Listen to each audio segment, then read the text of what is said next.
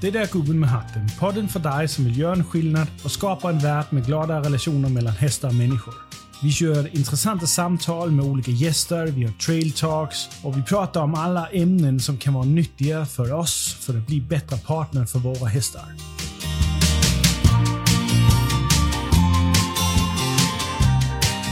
Hej vänner! Den här gången Anna Sundberg.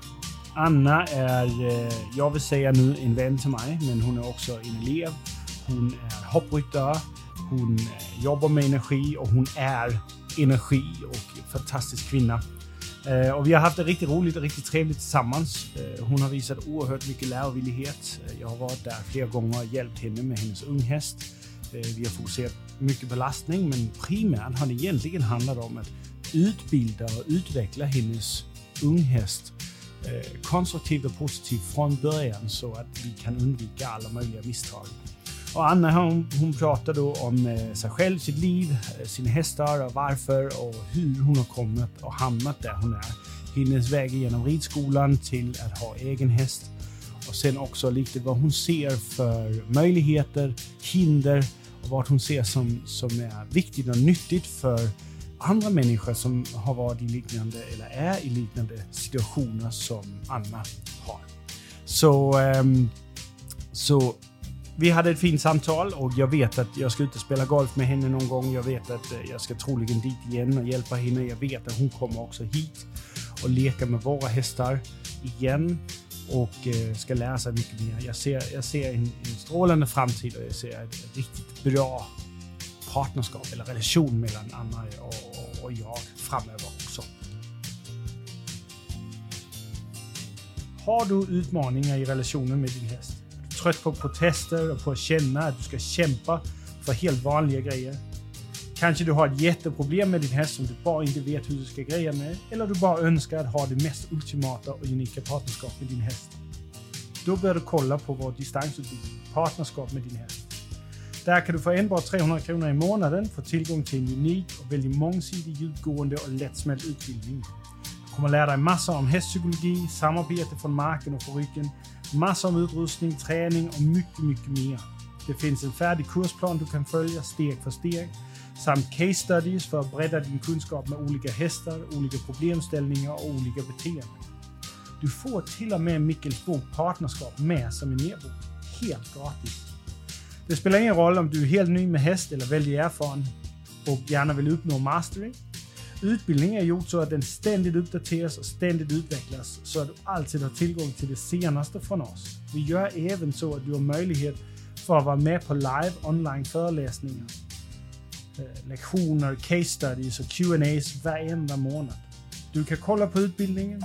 Du kan anmäla dig via vår hemsida www.heartsandhorses.com Klicka sedan på Hästakademin i menyn längst uppe. Gå in och anmäl dig idag så får du sju dagars gratis provperiod och kan kolla om det är något för dig. Du kan liksom kika runt, kolla lektionerna, se hur, hur det är, om det är något du kan använda. Men inte mer prat nu. Vi har ju inte kommit för att dansa. Så eh, här är mitt samtal med Anna Sundberg. Hopp och lek. Då har jag fått besök av Anna Sundberg som är en, vad jag vill säga, en vän och en elev. Men hon är hoppryttare, bor ute vid Båstad eller i närheten av Båstad. Eller har jag bor faktiskt i Helsingborg. Men bor i Helsingborg. Ja, det, är, din häst är ute vid Båstad. Absolut. Det är så det är. Det är därför jag har varit där mm. flera gånger. Och eh, Anna har, har eh, valt att vara med här för att eh, dela lite med sig av sin historia, sina hästar. Men också för att kanske få svar på lite frågor och vi kan prata lite om specifikt vad vi har gjort med hennes häst, eh, Hampe, och lastning och eh, sen vidare utveckling. Så välkommen till Anna. Tack. Eh, ja, det är ingen av oss som känner dig lika särskilt bra. Eh, så kan du berätta lite, vem är Anna Sundberg? Anna Sundberg, hon eh, är just fyllda 30. Bor som sagt i Helsingborg. Jobbar heltid med ett vanligt kontorsjobb eh, och har eh, hästar på fritiden. Så en eh, typisk svensk amatör med häst kanske. Ehm, jobbar väl eh, med mina hästar på ett ganska traditionellt sätt om man ser till eh, hopp och dressyrbranschen. Eh, men har alltid varit väldigt intresserad av att göra det mer på hästens vis än på människans. Eh, så därav kom jag i kontakt med Micke. Ja. Eh, bor som sagt i Helsingborg i lägenhet med min sambo eh, och blandar det med att varje dag vara uppe på Hallandsåsen med mina hästar. Eh, Ja. Ja. Ja, för du ringde mig för ett tag sedan, eller skrev eller något sånt, att du hade en ung häst som du gärna ville, eh, särskilt med lastningen, göra rätt från början. Liksom göra det bra från början. Eh, För du hade liksom, som du förklarade, i alla fall om jag minns rätt, du hade sett för mycket av det traditionella till att det ville du inte skulle hända med just din häst, för han var så bra. Ehm, och då, eh, då kom vi ut dit och vi var där ett, ett tag till att börja med. Och det, är- du kan förklara, vad, vad är det för häst? Eh, det är en eh, hopphäst eh, med fin hoppstam som jag köpte för eh, lite drygt ett år sedan. Han är tre år nu och var då två när jag köpte honom. Ehm, och jag ville väl testa att gö- göra allt från början så, men eh, individ. Ehm, och då är jag ju väldigt mån om att det ska bli rätt gjort eh, på ett väldigt bra sätt som ger en hållbar häst. Ja. Många år framöver för mig själv. Ehm, ja. så- Men han är inte den enda hästen. va? Nej, eh, precis. Utan eh, jag har honom då som är tre och sen så har jag en som är, han är ju 14 nu. Eh, honom har jag haft sedan han var fem. Han var dock nyinriden när jag köpte honom så basen var lagd.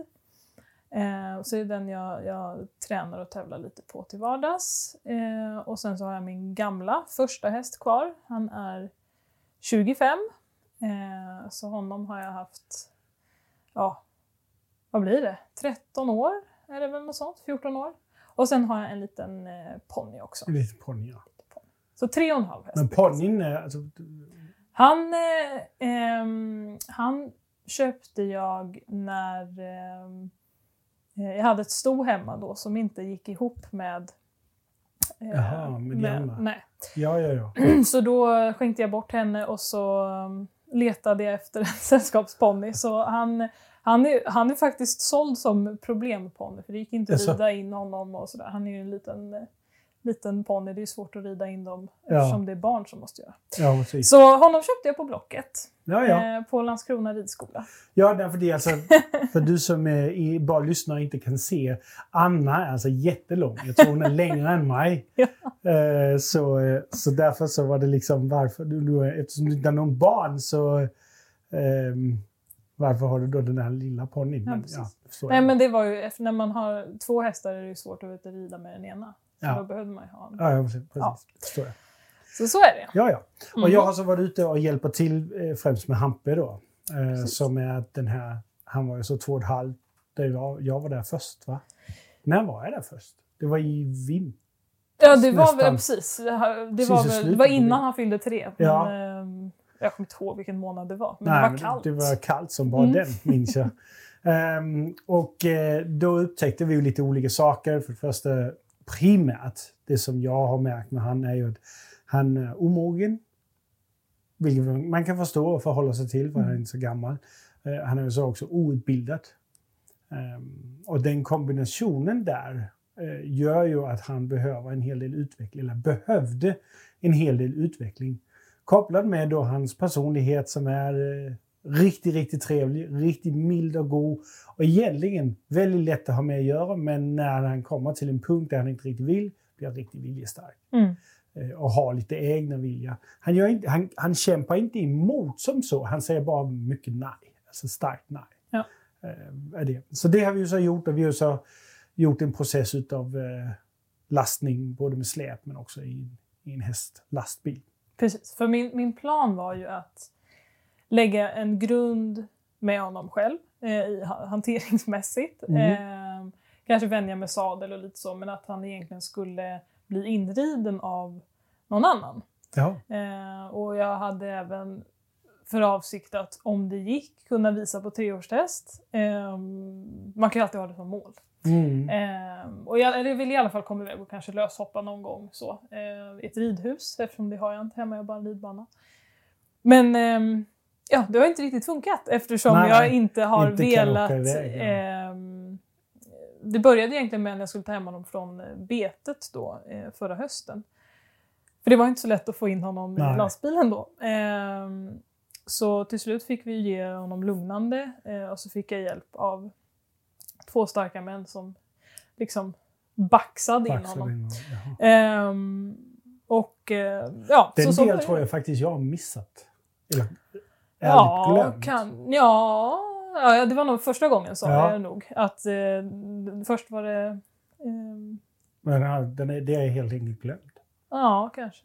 Men ja. eh, det Men det förklarar ju så lite fler saker. Ju. Kan jag så se i efterhand. Ja, och det var, ju, Mm. det var ju lite panik till slut. Hur ska vi få hem honom från Ja, ja. betet? Ehm, och då kände jag att det är bättre att ge honom lugnande så att det ändå på ett lugnt... Alltså inte så att Ja, ja, han baxade in, men att han ändå... Då, då liksom... När man kommer i en situation där man måste, ja men så Ja. är det tyvärr det. Då Ja. måste man. Så att på den vägen. Så att jag har väl ehm, jobbat med honom själv och suttit upp och ridit in, eh, eller ridit in ska jag inte säga, men eh, skrittat och travat lite Mm. och det går bra. Ehm, Men jag skulle ju gärna vilja ehm, ja, men, kunna träna honom på ett annat ställe Ja. och sådär. Så Ja. att det, och jag vill ju ehm, jag vill verkligen inte tvinga och göra Nej. sådana saker. Nej. Utan jag vill göra det på hästens villkor och då är det som det. Och jag var ju väldigt mån om att köpa en häst som var uppvuxen på lösdrift. Eh, sett till hållbarhet och att den ska vara socialiserad med andra hästar. Mm. Eh, för jag har alla mina, eh, då, både gammal och nuvarande tävlingshäst, de går ihop på en lösdrift hemma. Men är det, där, är det ovanligt med när man köper sådana? Jag har inte ett superstor erfarenhet Ehm, av att ja, köpa hopphäst, eller köpa hästar. De går ju ofta kanske på lösdrift i början. Unghästar alltså. Ja, ja. Eh, om de är, om de är uppfödda, uppfödda på stora stall så gör de ju ofta det. Eh, men om, om, du, om du köper någon som är uppfödd hemma, alltså mer att... Det är Privat, liksom, ja, Okej. då är inte det alls säkert utan då kan det Jaså? ju vara att de står på box. Eh, men jag var väldigt mån om att han skulle vara uppväxt utomhus så att de liksom blir hållbara. Ja. Men det har ju gjort att han är, som du säger, ovan eller omogen med liksom hantering. Daglig hantering, ja ja. Ja, alltså in, liksom inne i stall, han är liksom lite spänd eh, och, Mm. och så vidare. Så att Mm. det finns både för och nackdelar med det. Men ehm, känns ändå som att det är Ja, rätt. nej, men alltså, med tanke på det stället där du har hästarna, där det är väldigt, eh, vad heter det, exposed, vad heter det på svenska? Nu har jag glömt det. Eh, utsatt. Utsatt, liksom. Det, det, det är öppna vy- vyer, det är nära havet, där är mycket vind. Det, det, liksom, det kan bli riktigt kallt. Mm. Också för att det ligger högt. Så är det ju bra att, att han inte liksom är en sån här skröplig, eh, Nej, bara precis. kan stå på box alltid. Sen eh, sen eh, kanske det blir lite ompysslat för mycket. Kan det är Ja, nej, men det, nej, precis. Men det, det har väl, vad ska man säga, jag har bitit mig i svansen där och insett att det hade ju underlättat kanske i hanteringen att ha en häst som ändå kanske hade stått på box ett längre tag. Ehm, ja, av hanteringsskäl, men då kanske han inte hade varit lika hållbar Nej, jag fysiskt. tror, jag så att- tror inte det hade... nej, ja. Det hade på ytan kanske kändes som att det Kan underlättar, men, men vad, vad annat som ligger där. För du har ju en helt fantastisk häst. Ju. Det är inte så att han är svår att ha med att göra som så heller. Det är bara i de här Mm. specifika situationer som, som jag har märkt eh, att det är. Men det är ju inte en häst som är en problemhäst. Men Nej, precis. nu när du förklarar det här som jag lyckligt hade glömt med, med, med bedöva han eller, eller sedera eller vad man nu kallar det. Och, och den biten, det förklarar det han gjorde sist jag var där. Men när vi vände han och att han då liksom verkligen klämmer sig och, Mm. och, och, och går emot. Det förklarar exakt varför han då gör det på det viset som han gjorde. Mm. För det är inget som, eh, som en häst behöver göra naturligt. eller känna göra på det sättet som han gör det. Där han verkligen, alltså, det var verkligen en, en, en fiolsträng och sen gå emot allt oavsett vad.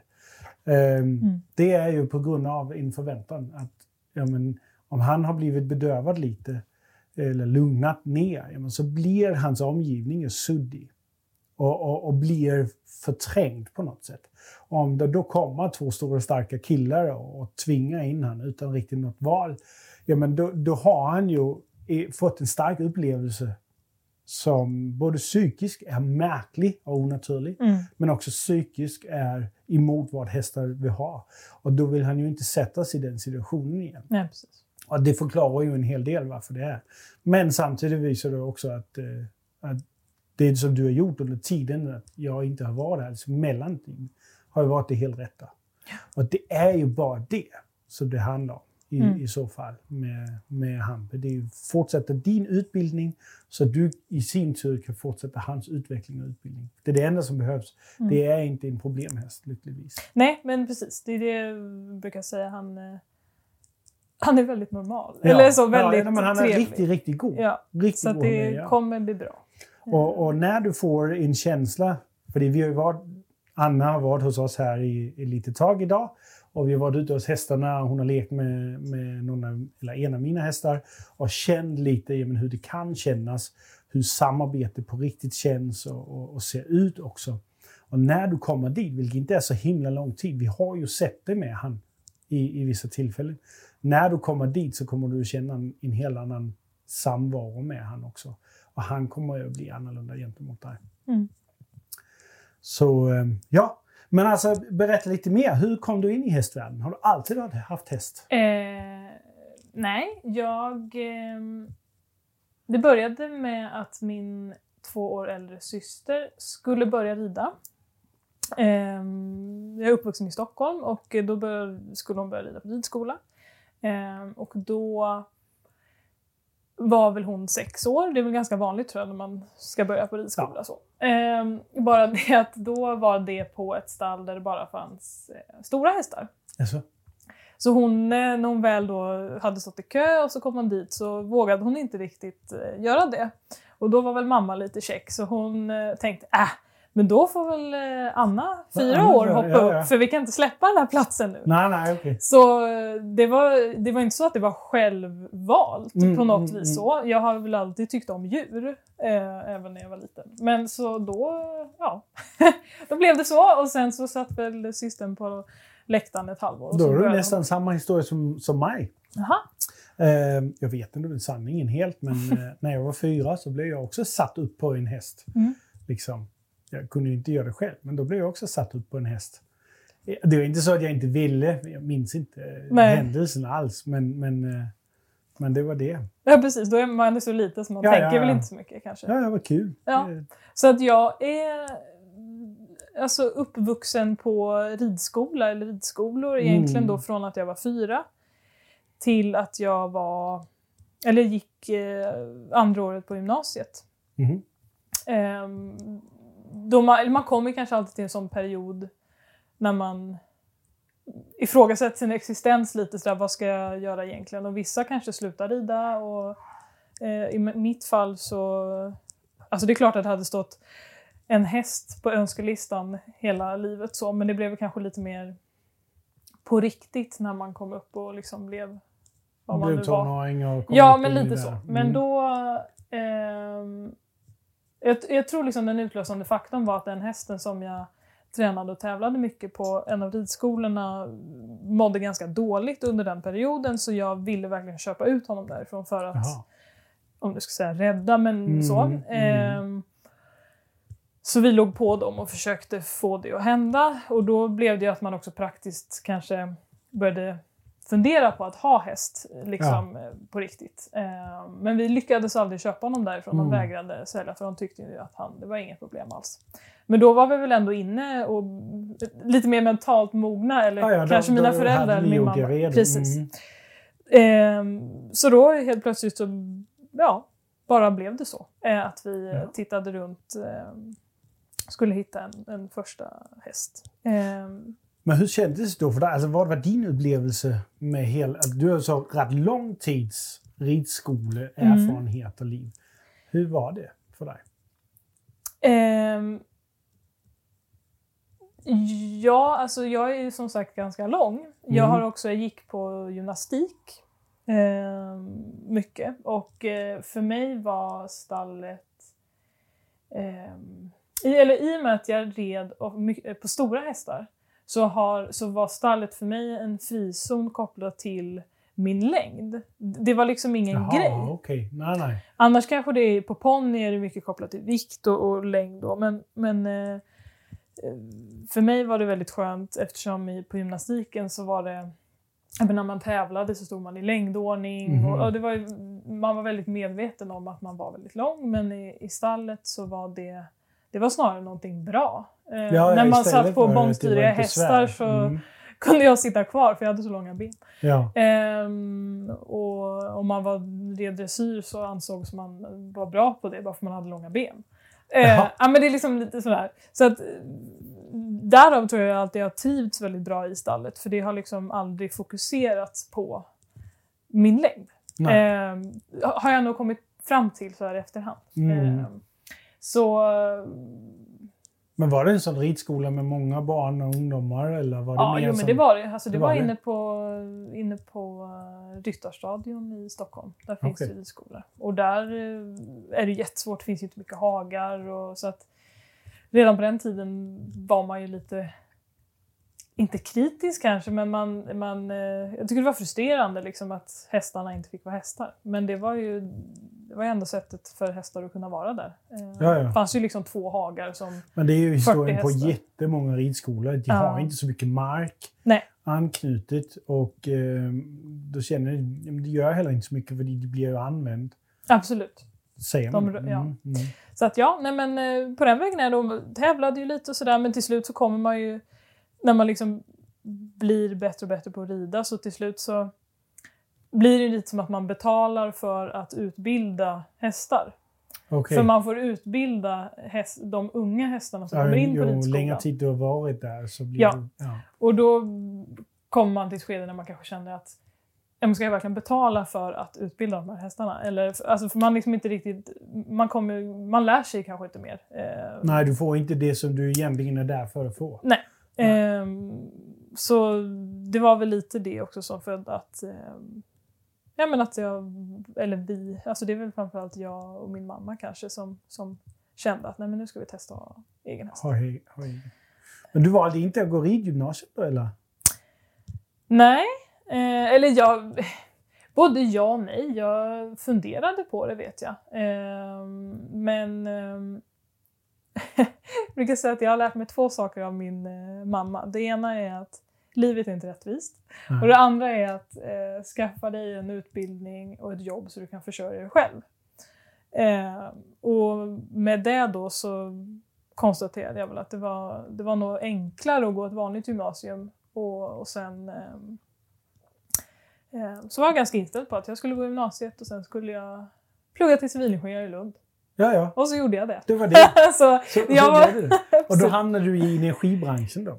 Som Ja. civilingenjör då eller? Ja, precis. Så Ja. jag eh, läste i Lund. Eh, inom, ja, civilingenjör inom energisystem kan man väl säga. Ja, ja.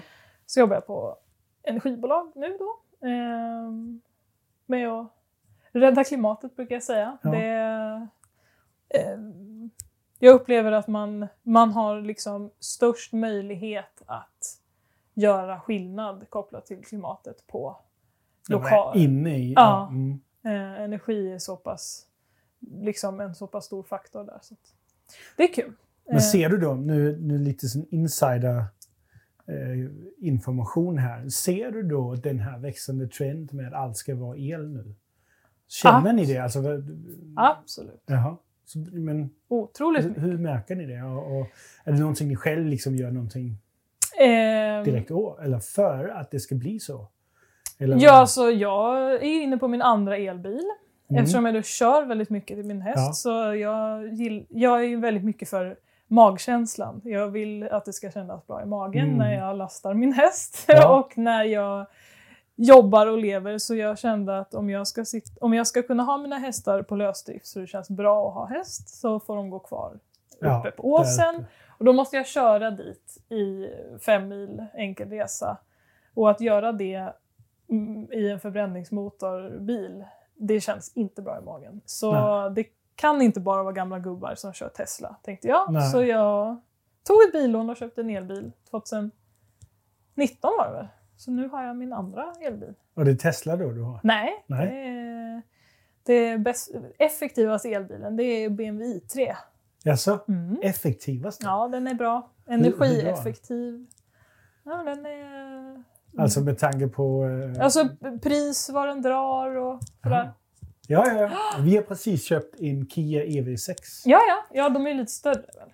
Tror jag. Ja, lite grann ja. Ja. Alltså det är en annan typ av bil. Mm. Eh, I3 är ju eh, mer som en liten SUV. Exakt. Minisuv. Minisuv, Mm. ja. Och, och EV6 är ju väl mer... Alltså den har ju lite sportig look, men Mm. det är alltså... Det är väldigt mycket plats Ja. inne i den. Ja. ja, för Men- jag kör ju själv så det är det att jag behöver ju inte ha så stort. Nej, precis. Nej, vi, är, vi är rätt så taggade på det, för det, för oss lönar det sig inte. Vi har ju en bil som vi måste kunna dra riktigt tunga saker Ja, ja, med. Och det finns inte inom eh, el, Nej, eh, det gör det ju inte. bilsbranschen än. Därför har, jag ju V-lastbilen. Ja, precis. precis. Och, ehm, men däremot, så, den är ju i företaget. Så då Ja. Kör vi inte, får vi inte köra privat. Nej, så, det är klart. så gav det inte mening att köra, köra en bränslemotor Nej. när det är privat. Nej men så är det. Så att det, det jobbar man väl eh, dagligen med. Att få, Ja. få elen att räcka till. Så vi var ju lite nörd, eller jag var lite nördig när vi gick genom Ja, hagen och frågade om... Vad är det för hö hö hög eh, spänningsmassa Ja, ni har det. där? Mm. Eh, de grå? Ja, precis. Nej men så, så är det. Så att eh, jag jobbar väl mycket med magkänsla som sagt. Mm, Både mm. jobb och till vardags. Ja, ja. Mm. ja men. Mm. men det är ju också vägen fram. Absolut, så är det. Ja, absolut. Jag är väldigt spänd på liksom hela utvecklingen som kommer med Mm. både ja, eldrivna saker, bilar och allt annat jämfört med. För jag tror inte att, det, att vi kommer sluta med bränsle, men jag tror det blir mer nischat då.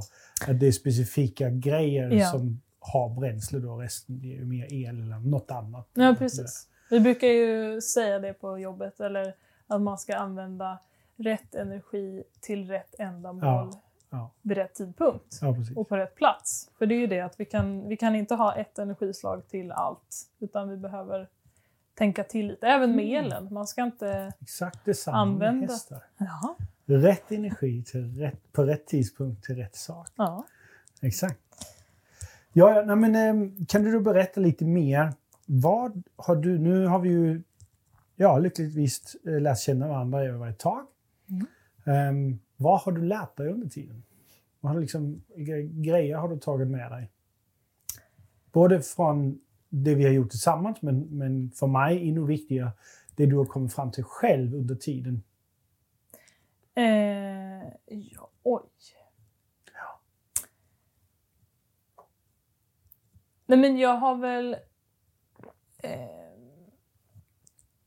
eller jag ska säga så här, när jag, jag, jag har läst väldigt mycket om det som man brukar prata om, horsemanship. Ja.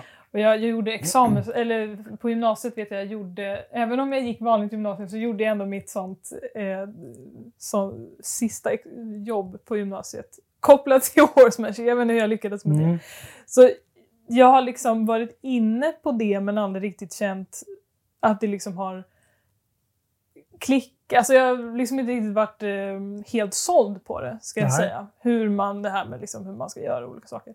Så jag, jag tror att det är först liksom när jag har bekantat mig med hur du approachar ehm, liksom ett samarbete med en häst som jag känner att, att det är på riktigt. Alltså att det är verkligen eh, genuint rätt. Mm, ja. Ehm, och det tilltalar mig väldigt mycket. Ehm, och att faktiskt ha fått sett det också i ehm, verkligheten för första gången när du var ute hos mig och jag vet inte om vi höll på, eller du höll på, alltså säkert två timmar. Två timmar ja, så, ja. För att då eh, liksom få, få en, en förvirrad ung själ att förstå att du ska bara gå igenom det här släpet. Ja. Det är det enda. Och eh, det tog två timmar att då liksom få honom till att våga ta modet till sig och testa. Ja.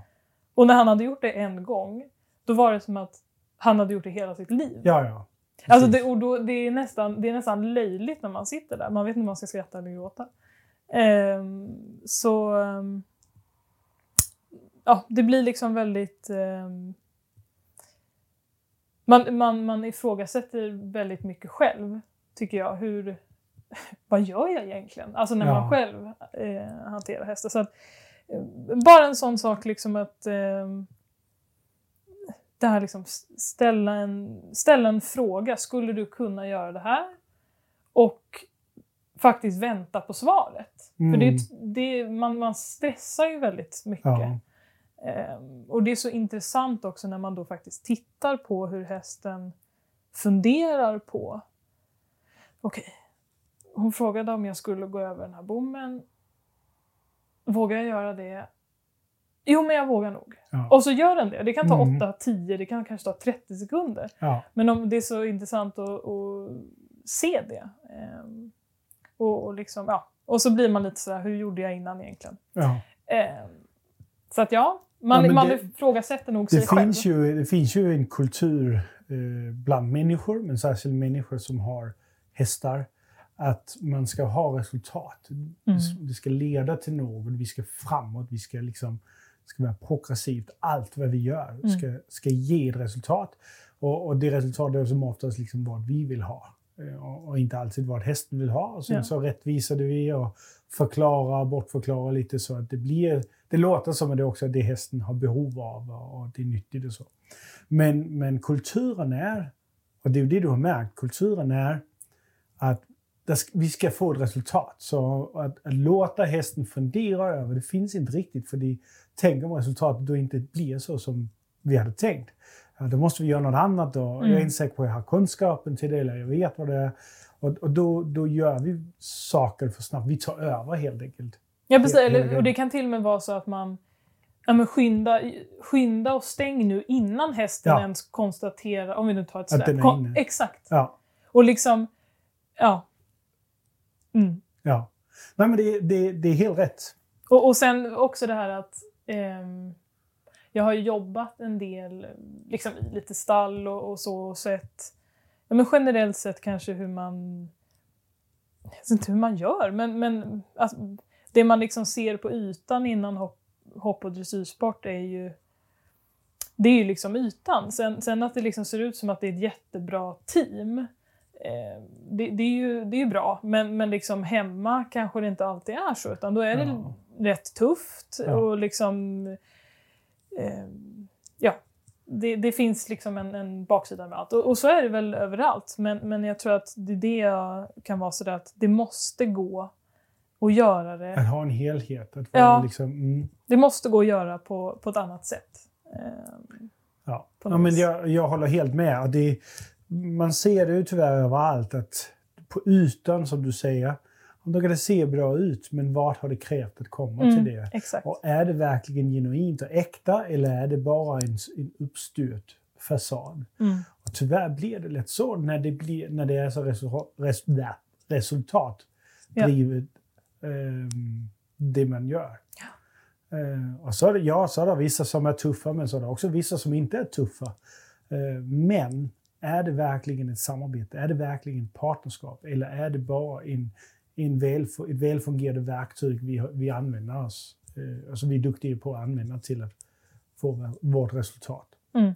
Ja, nej, men för det är liksom bara en sån så här enkel fråga. Jag vet inte om det är min sambo som, som ibland kan säga det. att- Alltså lite halvt på skämt kanske, men, men det här liksom att man rider och har hästar på det sättet vi har. Ja, men är inte det djurplågeri? Ja. Alltså, och, och liksom, det kan ju vara sådär, "Äh, vad menar du med det? Men det ligger ju ändå någonting i det. Mm. För jag menar, det är ju ganska... Det här liksom bara att vi, ett rovdjur sitter upp på hästens rygg. Alltså, Ja. ja, det är ju rätt sjukt egentligen. Sen, sen som sagt så... eh, ja, man behöver inte dra det så långt som att kalla det djurplågeri, men det är ändå nyktert tror jag att vara medveten om att det är ju väldigt onaturligt. Ja, vad är det egentligen? Alltså, man, Mm. eller, eller man börjar skapa sig mer perspektiv över och fundera lite över vad är det egentligen jag gör med min häst? Ja. Det här är en sån här, jag vill inte kalla det en diskussion, men det är lite en, en prat ute i hästvärlden, särskilt i, i den som inte direkt är i tävlingsregi, om det här med etisk djurhållning och, och hur gör man det. Och man, har, man har ju sett också i tidningarna med med direkt djurplågeri och allt sånt. Det kommer lite mer fram i medierna och sånt.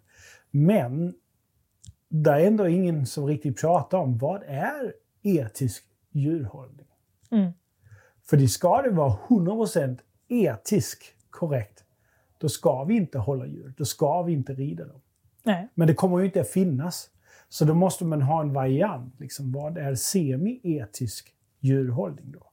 Ja, nej men så är det ju. Och det, har inte, det är inte bara hästar egentligen, det är ju alla Det är djur. ju alla djur. Ja. det är ju liksom precis. på Bregottreklamen Ja, så ser ja. kossorna jätteglada ut, men det är ju förmodligen köttdjur som går ute Ja, det och kanske är äter ett, ett väldigt lite procentdel av Ja. dem som, som egentligen är. Så att, ja, nej men... eh, Mm. Ja, nej, så jag, jag har ju lite den filosofin att, att etisk djurhållning, om vi hoppar över det här med att ja, hästen egentligen inte bör vara med människor och, rovdjur, det är inte så det är naturligt.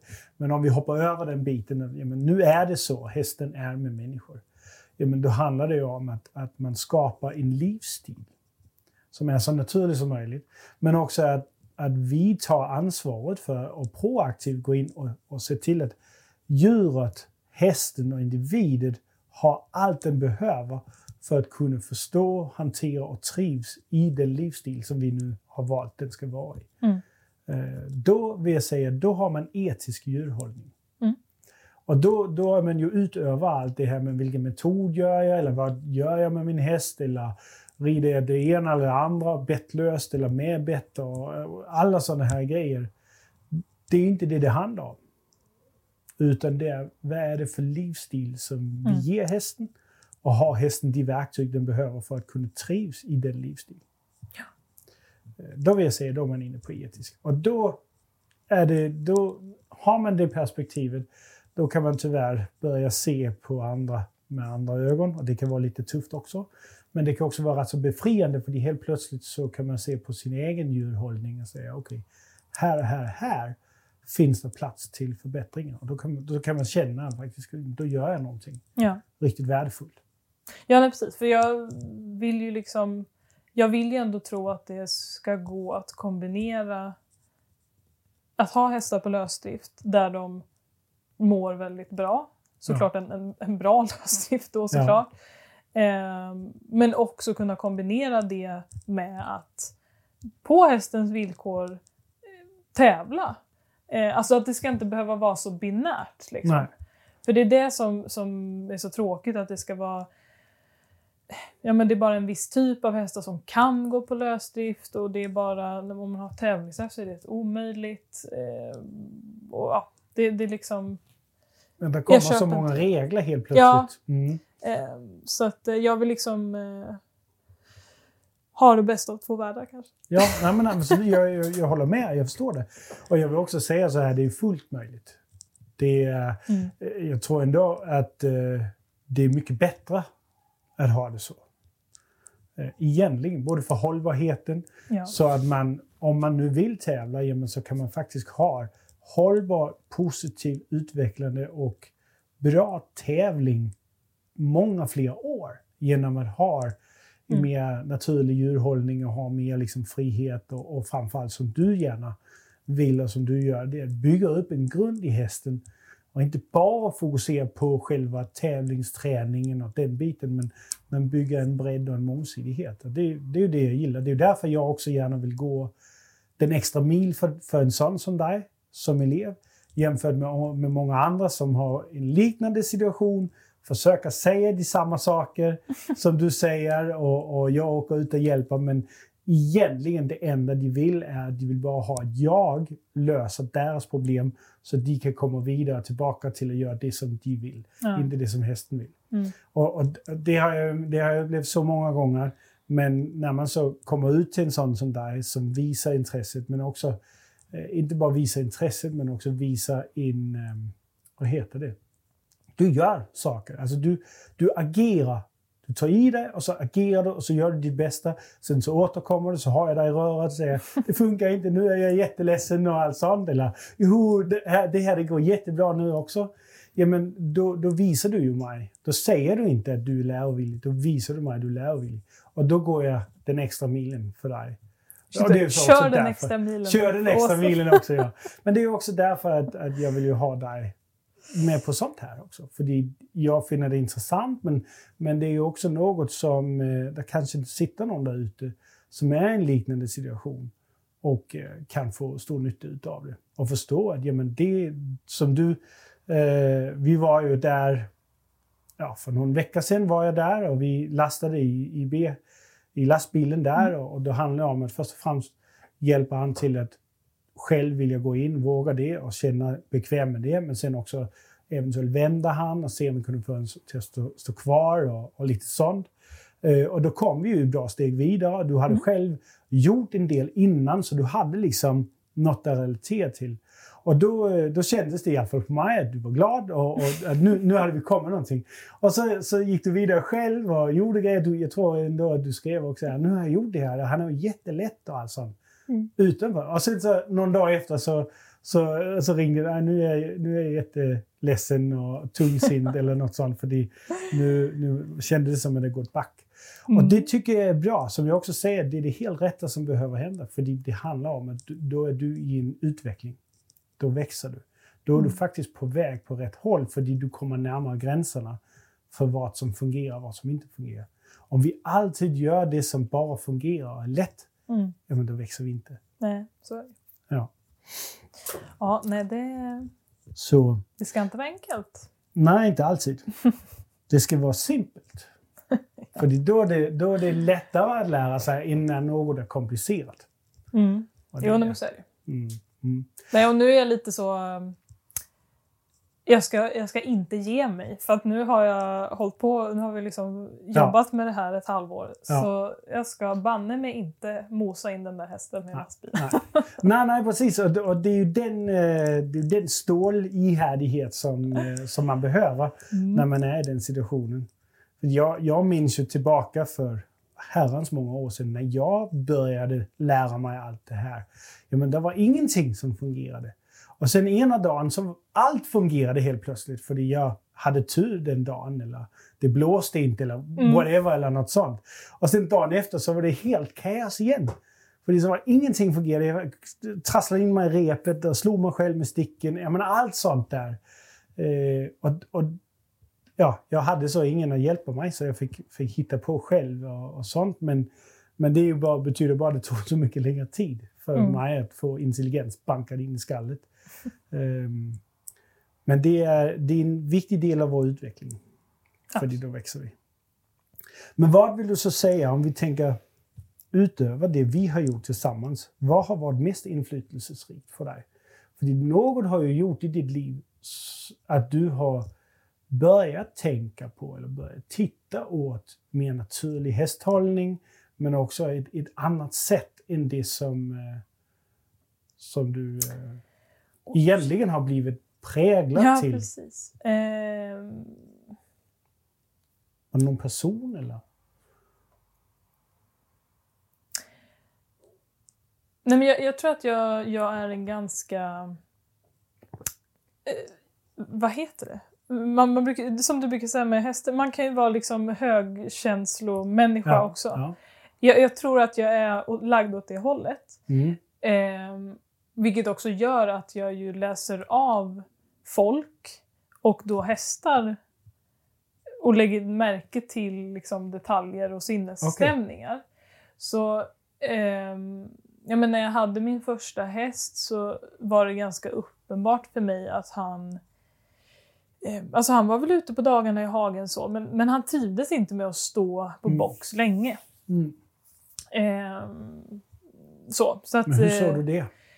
Eller du kände det bara eller? Nej men det var, var jobbigt att mocka. Alltså det var, det var uppenbart att han gick runt väldigt mycket i boxen. Eh, han var stor, eh, boxar ganska små.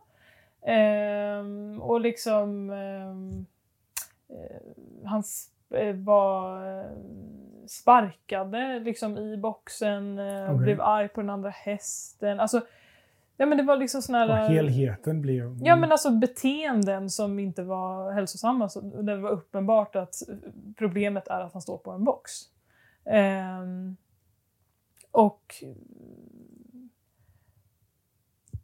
det, det liksom, och, och jag kan inte, jag kunde liksom inte ignorera det. Alltså vissa kanske ser förbi det men, men det gjorde att magkänslan var, var inte bra. Eh, så då när jag i samband med att jag började plugga i Lund då så eh, Ja, men så kunde jag ta med honom ner och då ställde jag honom på den gården där hästarna Ja. är nu. Eh, och det var så uppenbart hur mycket bättre han mådde där. Eh, alltså, och det såg man ju tydligt liksom. Eh, så jag, jag tror bara att jag, jag liksom ehm,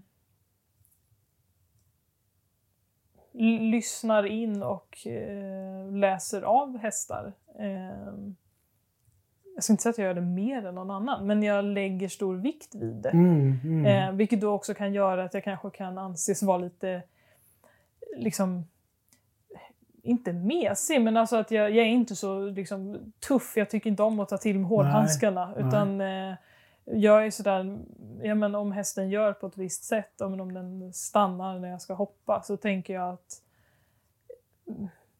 då, då är det ju något den försöker säga. Alltså då, Så du har, du har ett inkännande, det är ju utan tvekan har du ett inkännande. Men du har så också en filosofisk tanke bakom, ja, men, varför? Istället för bara att det är inte det jag vill ha. Mm. Eller något sånt. Men, men du försöker kanske reda ut. Och då, Ja, jag vet inte. Jag, jag vill, eh, vill göra det så bra som möjligt för, mm. för mina hästar på något sätt. Men du, alltså, alltså, du växte upp i Stockholmstrakten då. mm. Men din mamma eller dina föräldrar bor, bodde här Ja, de, de, eh, alltså det har varit i Skåne på somrarna så det var bara timingmässigt Jaha. bara följde samman att de sålde lilla sommarhuset och så har vi pratat om att, eller de har pratat om att det vore kul att bo ute på landet på en gård. Eh, Jaha. Så det var, det var mer bara att det föll, föll sig så. Eh, att de eh, köpte en gård och då tänkte jag då kan jag lika gärna stalla upp hästen där istället för utanför Lund. Då gjorde jag det. Ja, ja, ja, men det är smidigt. Ja, Hemma, nära, någon kan ta hand om det och sånt. ja eller ja, så kanske det inte var riktigt. Men, Mm. Ja, och det är bland annat därför också som ehm, i början så var de väl ute, ja, men, de var väl inne liksom nattetid men de gick ute liksom sju till sju sådär. Men för att eh, kunna känna att jag kan sköta om dem själv när jag bor i en annan ort så var det ganska naturligt att testa att ha dem på lösdrift. Ja. Ehm, också, och att min gamla häst är gammal och det var ju ett sätt för honom att må bättre i kroppen. Att kunna slippa stå still. Kunna röra sig mer. och sånt, Ja. Så att, eh, ja, så är det. Han Ehm, har ett enormt huvud. Han ja, Ja, jättestort. alltså riktigt. Men fast riktigt gullig, men enormt huvud. Ja, alltså, det är det stort. är ju näst, alltså, nästan denna varning. Alltså. Jo, men det vet jag. Det var, det var alltid, eller är, alltså eh, träns och så var man ju tvungen att ha Ja. extra full. Ja, ja. Eh, ja gammal, jätte, precis. Det är en, en, ja, han är lite... Den, vad ska man säga, den, den äldre typen av svenskt halvblod kan man säga. Han har Robin Z i stammen. De är lite grövre. Och så fick det väl extra utmärkande då på huvudet. För det är Jaha. jättestort. Okej. Jättestort huvud. Ja, ja. Så Men jag är inte alls insatt i de här raser, eh, eller stammar. Är det. Nej, ja. Eh, men jag vet att här nästa vecka då ska jag, eh, ska jag hämta eh, Sherlock som är en häst som har trauma som jag har varit uppe och hjälpa. Mm. Och han har visst också Robin Z. Men han, han är mer lite med nät. Typ. Mm, ja, men det slår ju inte alltid igenom. Men, Nej. men om, om, om, det, om du träffar någon äldre som har varit i hoppbranschen så ser de att det är en Robin Z-häst. Jaha, Det, alltså jag ser ju inte det. Likväl om de tittar på Hampe så ser de att det är en Cadento-häst för de ser Alltså. det på huvudet. Jaha. Så det, det Alltså, är sånt där som är intressant. häftigt, Ja. Men eh, Och den, den, den tredje då som jag rider, han, han har ju 75% fullblod. Men det kan ju till och med jag se på honom, att han ja, har fullblodsrumpa liksom. Men det, det är ju inte så... Men, nej. Så, men han har jättestort huvud, ja. Det Okej. stämmer. Ja, ja. Så ehm, Anna, vad är framtiden då för fröknen?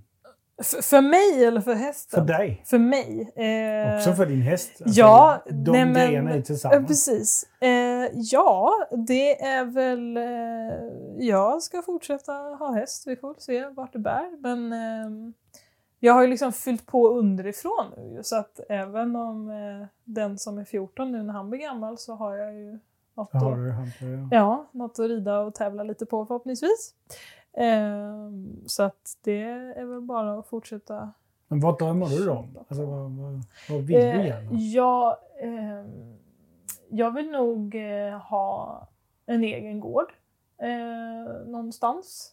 Eh, och så vill jag gärna vinna på Triss så jag kan gå ner och jobba halvtid. så vill jag, ha, jag vill gärna kunna ha mina liksom, tävlingshästar hemma. Några, alltså, tre hästar är ganska bra. Ja. Eh, och sen så skulle jag gärna vilja ha fler ponnyer som, eh, och ha lite så handikappridning för barn. Eh, vore kul. Så bara, vad säger man? Eh, alltså inte ta betalt för utan liksom ha det, Ja, ja, en rehabiliteringsgrej. Ja, ja. ja så. Eh, bidra lite med vad hästar kan göra för, Mhm. för barn. Men, ehm, så vi får se. Hur kan det vara? Vad sa du? Har du någon speciell Ja, eh, upplevelse eller så? Eller? Nå, Det är ju rätt så ja, specifikt. Eller, men jag, jag, jo, jag vet. Eller... ehm, ja, men det är nog mer att man har sett... kan ha varit att det var på ridskolan att det liksom var um, någons syster eller bror som kanske hade, ja men kanske var autistisk eller något som, som fick komma och så fick de eh, liksom den snällaste hästen och fick de sitta upp och rida. Man ser ju liksom hur, hur glada de Mm, blir. Alltså, och, och okej. det är ju så himla... Det är så genuint. Det är Ja. det som är intressant tycker jag med den typen av människor också. Att det, den där, det finns ingen fasad. Utan Mm. det är liksom...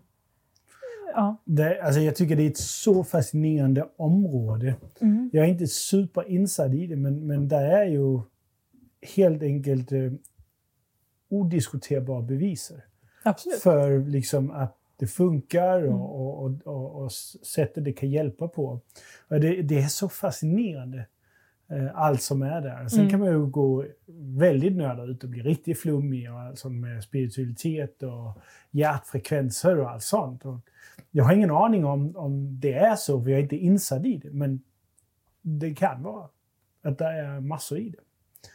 Ja, nej, jag, jag är är bara sådär... enkelt- Jag kan Mm. liksom, om man, om man liksom sitter och tittar på sådana dokumentärer, då sitter man, sitter man bara och bölar. Ja, ja, ja, ja. så att, ja, nej men det är Ja, ja, fint. Det kan nog alltid ja. finnas fler sådana ställen. Otroligt svag för sånt. Är ja. liksom sådana här osjälviska eh, grejer. Ja. Eh, när, när andra lyckas väldigt mycket eh, och allt sånt. Det, jag tålar inte det. Disney tålar jag inte heller. Nej. Precis. Så Ja. framtiden är alltså gård? Jag hade, jag hade in, någon form av syn på att du var en sån här jätteambitiös tävlingsryttare. Jo men alltså det är jag väl också, men varför kan man inte få vara det också? Absolut, det kan du också göra. Men det var bara inte det du nämnde nu här. Så det var mer det. Jo men jag sa att jag skulle ha mina tävlingshästar. Ja, ja, men alltså. Det är ju bara Men, men det är nog, nej men eh, det är ju... ehm, Vill du på Det är det jag Falsterbo då? Ja, men så, ba, bara, bara den typen av... ehm, alltså jag har ju som sagt jobbat i stall där man liksom åker iväg på tävling, man är på meeting, men liksom... Bara det att du inte kan ha hästen ute i en ha- Alltså att du inte kan ha den Ja, ja. ute när du är iväg på tävling. För mig är det... Kränkande på något sätt. Eller? Ja, jag vet inte. Jag bara tycker det är jobbigt. Ja, Eh, bara en sån sak. Eh, liksom. Så, ehm, och jag menar, det, det kanske är temporärt, men, men liksom... Nej, jag vet inte. Ja, men jag, jag, jag håller med dig. Jag har tävlat främst i USA då. Och då är eh, stämningen och, och kulturen är rätt så mycket annorlunda. Det är så inom western Mm. eh, och, och cutting då med, med kossor och sånt. Men första gången jag tävlade här i Sverige då, Mm. var, jag var ju bara där för skoj. Eh, och och jag, jag var ju den jag var och kunde de saker jag kunde, jag gjorde de saker jag gjorde och, och ville förbereda min häst. Jag skulle också dit och visa upp lite, Mm. det var så på chappen då. Eh, och bara något så enkelt som att longera sin häst på en liten vold. Mm. Eh, gå med hästen i en grimma och sånt. Det var, det var fy, det var nej, det får man inte. Du måste ha träns på alltid och, och alla sådana här grejer. Eh, Och, och jag blev ju förvånad, alltså chockad nästan. Men vadå? Vilken skillnad gör det liksom, på det sättet? Mm. Eh, och det, är ju- det är ju för att ja, någonstans vet, vet man ju nu bättre att ja, men en, en träns gör ju ingen skillnad. Eh, det gör bara en skada i så fall. Om, det, Om man ska Om hålla trends- så hårt. om Ja. ett träns är nödvändigt för att kunna kontrollera en häst, ja, Mm. men då orsakar du skada helt enkelt. Så enkelt det. Men alla sådana grejer, men också bara det att även om det inte var någon i närheten, det var ingen på ridbanan och sånt, ja, men så, så fick man inte Nej. Nej, longera och alla sådana grejer där det skulle vara på det sättet. Det, då det blev jag helt förvånad. Liksom. Mm. Ja, nej, det... Och det är bland annat en anledningen till att jag inte är så intresserad av tävling. Ja, nej, alltså, Annars det... är jag en tävling. Ja, nej, men det, nej, men det, absolut. Det, det är jag nog med. Men det är väl också, jag tror att det är så fånigt tycker jag att säga ordet tävlingsmänniska. För jag tror egentligen inte det är det man är. Det man är som personlighet, eller personligt draget tror jag är att du är ifrågasättande och utvecklingsbenägen och du vill Ja, komma framåt. ja precis. Sen att det ger sig uttryck i på tävling att du Ja, anstränger dig. Alltså så här, men, men jag tror inte att... Ja, jag vet inte, för det, är Nej, liksom, men det är bara en sak. Man är, man är utvecklande, man är progressiv i sitt mindset. Man vill liksom bli bättre, man vill, man vill också jämföra sig, man vill mäta lite och så. Ja, ja. Mm. Men, eh, men det är inte direkt prisen, som, alltså prispengarna eller vinsten eller så, som är grejen i sig. Nej, ja, Nej. Eller, jag vet inte, men, men jag tror att man kan vara... Men jag förstår vad jag menar. Så att, ja, jag vet inte. Jag vill, jag vill absolut tävla. Jag tycker det är kul, men jag vill inte göra det och samtidigt känna att det är synd om hästen. bekostning av. Nej. Nej. Eh, Och det, det är ju det jag tycker är framtiden. Det, det är det som behövs. Och jag Mm. tror också det finns många som är likadan. Men absolut. jag tror också att det är en kultur som gör att man inte riktigt... Det är inte riktigt helt tillåtet att ha den inställningen. För då är du inte riktigt tävlingsryttare. Då är du hobbyryttare. Nej, men alltså, Då är man lite mesig. det är lite så. Nej, men så är det säkert. Eh, Ja. Men vi får väl, vi får väl, får väl se. Ja, Alla, ja. alla, behöver ju, alla hästar behöver inte gå 1,40 som jag brukar Nej, precis. Men som jag sa till dig, eh, jag, jag letar ju alltid efter eh, en t- tävlingsryttare. För jag tycker om tävling och jag vet att tävling är en del av den förändring som gärna ska hända i hästbranschen. Mm. Måste komma via tävling också. Mm. Och då, då letar jag alltid efter progressiva människor som, som gärna vill tävla, men som också gärna vill det andra. Så man kan kombinera det på det sättet. Mm. Jag tror det finns rätt så många, men det är bara inte helt så godkänt. Lite som du pratade om. På ridskolan, då var det jättegodkänt och du var lång, men på gymnastiken, då var det nästan ett besvär. och det, det är lite så här att i, i tävlingsvärlden, ja, men då är det jättegodkänt att vara superambitiös. och Man ska gå 1,60 så fort man kan eller vad det. Mm. Och, och det handlar om Falsterbo, det handlar om SM, det handlar om eh, OS och allt sånt. Eh, så att vara lite flummig och, och, och också ta hand om hästen och sånt har inte varit helt godkänt. Det börjar lyckligtvis bli mer och mer. Mm. Särskilt för de där profiler som börjar prata om det och, och, och tänka om det. Och då helt plötsligt så får personer som du en röst. De får liksom en, en, en godkännande också. Och det är Mm. det som, som eh, jag tycker är vägen fram. Och det tycker jag är väldigt viktigt. Och sen så behöver jag ju en hoppryttare till att hoppa min eh, hopphästar när, när han växer upp och, och när de framtida växer upp. Och detsamma med att dressyren kan jag göra själv, men, men som sagt, jag, det är inte viktigt att jag tävlar, det är snarare viktigare att jag inte tävlar och, och gör andra grejer. Mm. Men sen att det är andra som, som går ut och tävlar dressyr då, eller vad det nu är. Ja, precis. Så men jag då- tror det är, det, jag, det är hälsosamt att tävla. Ja, det tycker jag också. För man måste utmana sig själv också. Ja. Man kan inte bara sitta hemma. och- Utan det, där, det, är ju ett sätt att checka av. Ja, Är det befäst? precis. Mm. Mäta sig och jämföra Exakt. sig med, inte mot andra som så, men mot Nej, en men- regelbok. Precis. Eller Mot mot, ett poängsystem. Ja, eller Mm. mot en nivå. Ja, eller vad exakt, det ja. Mm. Ja, ja. Så- jag fick ju gjort det största av min ambitionstävling. och sånt. Det gjorde jag ju eh, som ungdom i handbollen då. Ja, eh, I Danmark som, eh, som ungdomsprofessionell elithandbollsspelare. Så då fick jag ju den hardcore-tävling. Mm. Det var ju verkligen... Det var både inbördes om vem som fick lov att spela på första laget och landslag och sånt. Ja, men så var det också eh, mot alla de andra Ja. lag och så. Så då fick jag liksom det ur kroppen. Och det, det, det, det, det kom ju på ett, till ett helt naturligt avslut när jag blev skadad. Mm. Eh, och då, då, då fanns det liksom inte. Sen kom jag in i restaurangbranschen. Och det var den snobbiga restaurangbranschen i Köpenhamn. Ja, då får man tävla om och sådana stjärnor. Åh, det var en helt annan tävling. Och det var ju det var snobberi. Och det är inte alls mig, så där, där trivdes jag inte i längden. Det är därför jag har flyttat från Stockholm. För jag Jaha. är också trött på sånt. Ja, ja, ja. Nej, men det, det, det finns i storstaden, eh, Mm. tyvärr. Och, ehm, när man är på den nivån. Ja. Jaha, så ehm, om du nu har mig fångat, länkat till stolen här och Mm. jag var tvungen till att skulle svara på din fråga, vad vill du då? Du skulle inte få andra tankar, men, men, men vad, eh, vad ville du då fråga mig om?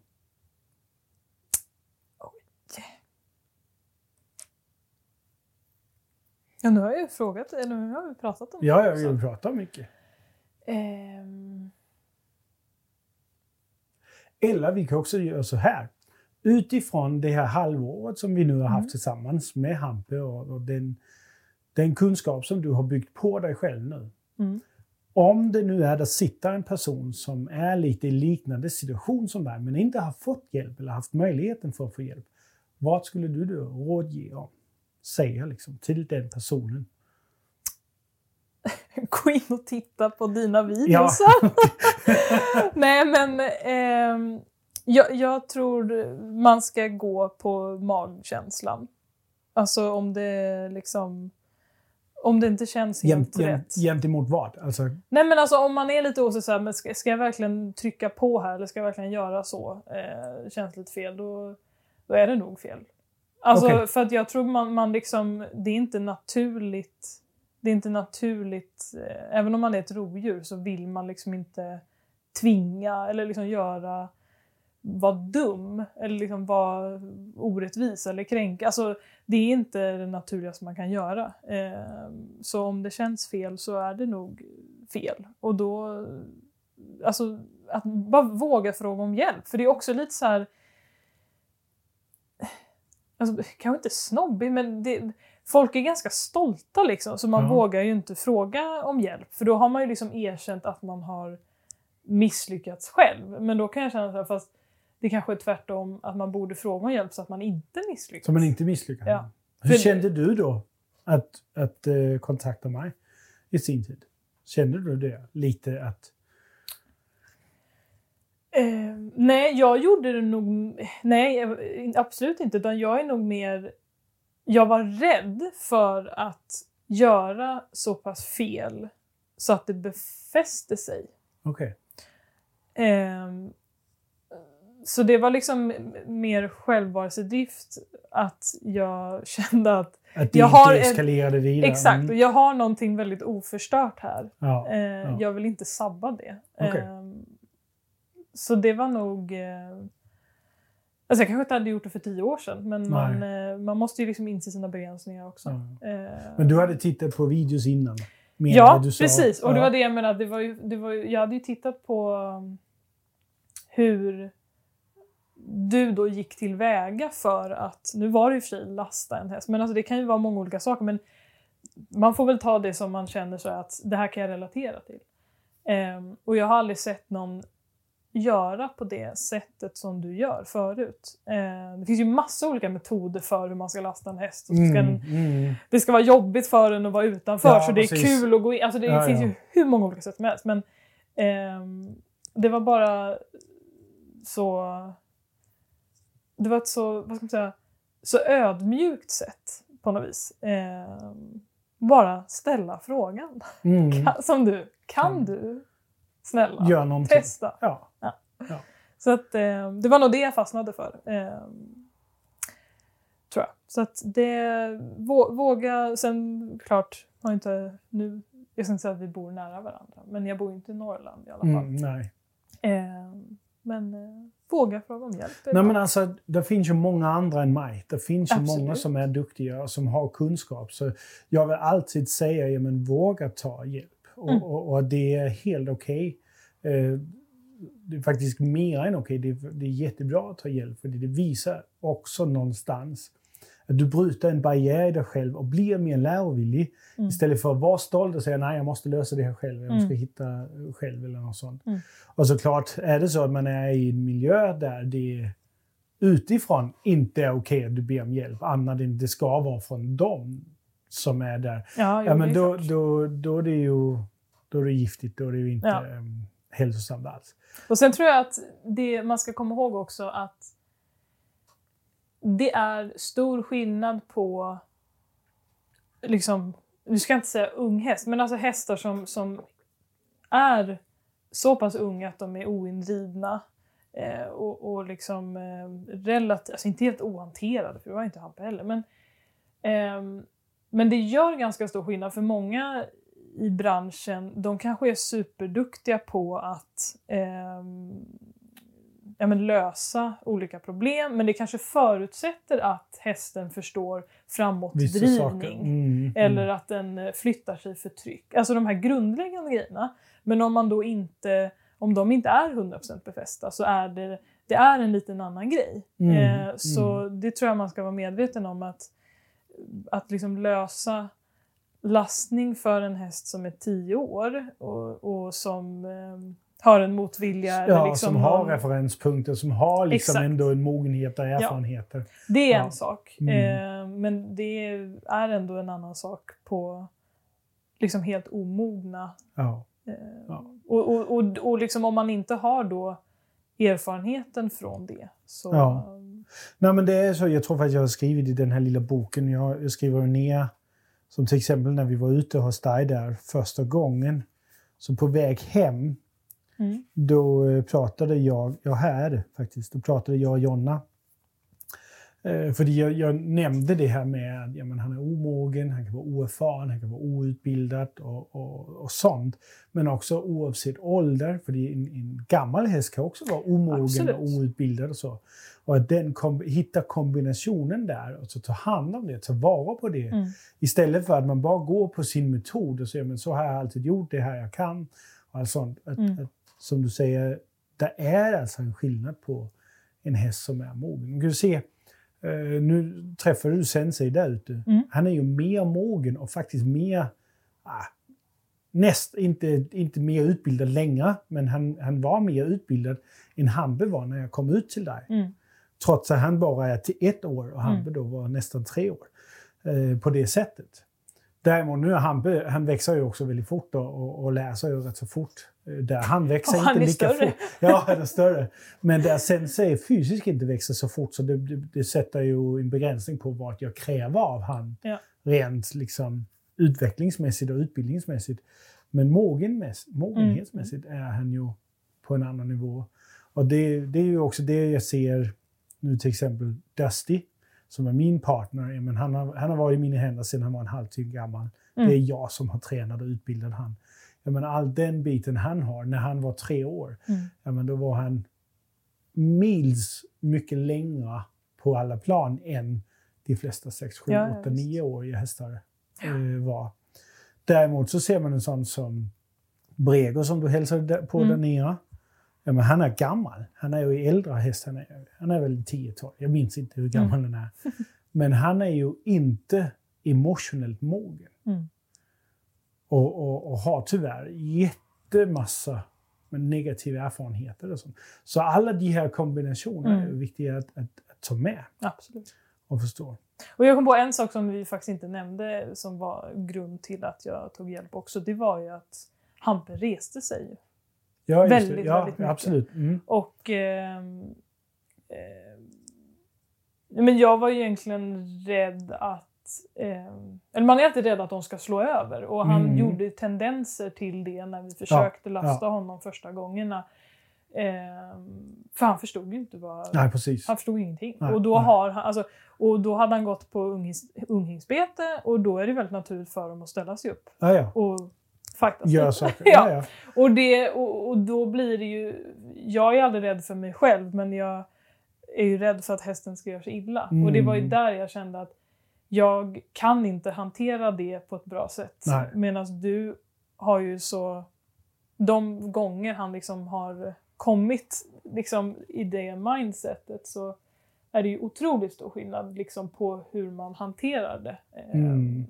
Jag kan fysiskt inte göra det och jag kan timingmässigt inte lösa det liksom, som du gör. Så där, är ju, Nej. där tycker jag absolut man ska ta hjälp. För det kan bli farligt såklart för människan men alltså... Det är Också för hästen. Ja, för de, bara den går upp tappar och upp. kontrollen Ja. och då är det alltså mycket kraft och Ja. energi som hamnar någonstans. Ja precis, och då kan de ju liksom göra illa rygg och allt möjligt. Särskilt i, om man tänker på i vår miljö.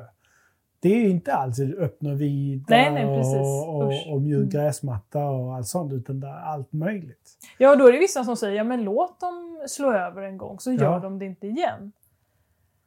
Ja, Och jag... Alltså, man får ju ändå... Alltså hästar är ju inte...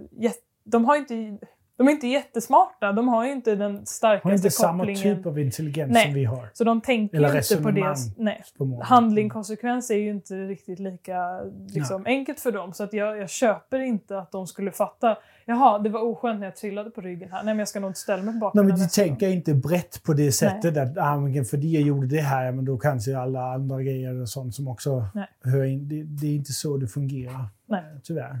Så att, eh, okay, ja, men jag bara tänkte det kan ju vara värt att nämna för det, Absolut. det är... Eh, Absolut. eh, nej, det, det är väl den enda sak jag tycker är otrevligt när jag gör, det är när de ställer sig på bakbenen. Det spelar ingen roll om de står på marken eller sitter Aha. på. Men det är liksom just för att de har, så, de har så dålig kontroll över sig själva och det känns som att de kan liksom bara typ välta. Ja, ja, precis. så och det, det, alltså, de har alltså bra fysisk kroppskontroll som oftast, men när de väl kommer Ja, ut dit och det är någon motstånd så det är inte mycket som ska till för Nej. att det tappar över och så tappar de kontrollen fullkomligt. Usch. Och då kan de inte rädda det för de, det är inte som en katt som är väldigt vik och rörlig och allt sånt. Så, som kan rädda det, eller en hund eller en människa. Mm. Utan då tappar de kontrollen fullt ut Ja. och då går det riktigt illa. Och jag tror liksom att unghästar kanske har närmre till det Ja, beteendet. de, som oftast när de är lite omogna, ja, men så är reaktionen inte så långt borta och, Ja. och den biten har inte helt full koll. Och så. Nej, precis. Så ja. ja, jag brukar säga så här, ju yngre hästen är, ju större ansvar ligger det på oss. Att vara, alltså, rätt, riktigt hänga med, vara på framkant, Mm. veta vad det är som kan hända och kommer hända och allt sånt. Mm. Så, vi, så vi ger hästen den guidance och stöd den behöver för att kunna utvecklas och växa eh, ordentligt. Ja. Ja, Mm. Nej, men annars om inte du har någon vidare frågor eller något mer tips så, eh, så tror jag bara vi kan eh, sadla av helt enkelt och hoppa Ja, av hästen. Ehm, Anna, om det skulle vara så att eh, det var någon som sitter i en lite liknande situation och gärna vill ha lite stöd och råd av dig, Mm. går det att eh, kontakta dig på något sätt? Sociala medier eller något sånt? Eh, ja, Om du är på allt sånt? eh, jo men jag tänkte... Alltså jag, jag har ju inte Instagram och sånt, men Facebook har jag ju. Och då Ja. kan man ju komma åt och skicka sån... Eh, Vänförfrågan, ja. Ja, Ja. eller något sånt. Så att det, du kan ju säkert länka Ja, till jag, mig. jag kan lä- eh, lägga upp en länk i, ehm, eh, på episodsidan där. Ja. Absolut. Det är nog enklast. Ja, ja men jättebra. Mm. Eh, och eh, jag hoppas det såklart att vi träffas igen och, och samtidigt så hoppas jag att du inte behöver mig längre. Det tror jag nog. Framöver. det är ju alltid min dröm. Ja. Eh, men att, eh, att vi håller klar, kvar kontakten såklart. Det och som jag sa också, jag behöver en, en bra hoppryttare längre fram om ett par år till att, att hopptävla lilla Sensei när han inte är så liten längre. Ja, precis. Han får växa lite. Jag är så stor. Jag tror han blir stor. Det tror jag, tror också. han Mamman stor. är stor. Ja, Eh, men eh, i och för sig. Och annars så, eh, så tycker jag att du som sitter och lyssnar ska ta till dig Annas tips och råd här om att ta hjälp om det är så du är det och det inte är fel. Men också att ta ansvaret på allvar. Lyssna på din magkänsla. Eh, att känns det fel så är det nog inte den rätta vägen att gå. Utan så backa lite, tänk om. Eh, tänk till, filosofera lite och så, som Anna också är, var inkännande för grejerna istället för bara att överrumla och, och trumfa igenom det som vi vill. Då, eh, då kommer du väldigt, väldigt långt med din häst. Och annars så hoppas jag att eh, du också har tyckt om det här samtalet. Jag har tyckt om det. Jag vet inte vad du säger Anna, eller om det har varit Absolut. helt hemskt. Jag lyssnar på handgubben där igen, alltså herregud. Men eh, annars så är det ju bara att, som alltid, och det vill jag också säga till dig, fortsätt med att göra ditt bästa. Mer än så är det ingen i världen som kan kräva av oss. Att vi bara gör vårt bästa. Och då är det ju som, som Anna också har sagt, vårt bästa kan alltid bli bättre och då är det bra att ta hjälp. Lyssna på magkänslan och sen så gå ut och göra en skillnad.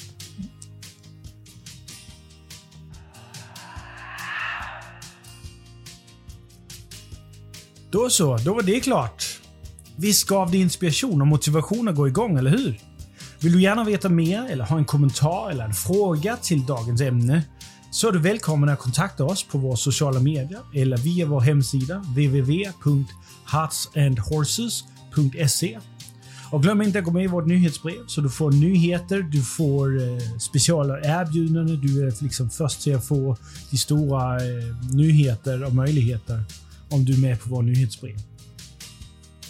Är det så att du också gärna vill göra en skillnad för podden och stödja vår podcast så gör du det främst genom att lyssna och ta in informationen och göra det bästa du kan med din egen häst. Men även prata med dina vänner om det, dela det på sociala medier. Det hjälper också om du prenumererar på vår eh, podcast på Apple Podcast, eller på Android eller på Spotify. Du gör också en stor skillnad om du går in på vår Youtube-kanal och prenumererar där inne. Där inne får du livesändningar, videotips och inspiration som kan hjälpa dig med just relationen till din häst och vad du kan göra för att förbättra eller lösa dina problem. Och slutligen så hoppas jag bara att du mår bra och vill göra ditt bästa och framför allt, som alltid, göra en skillnad.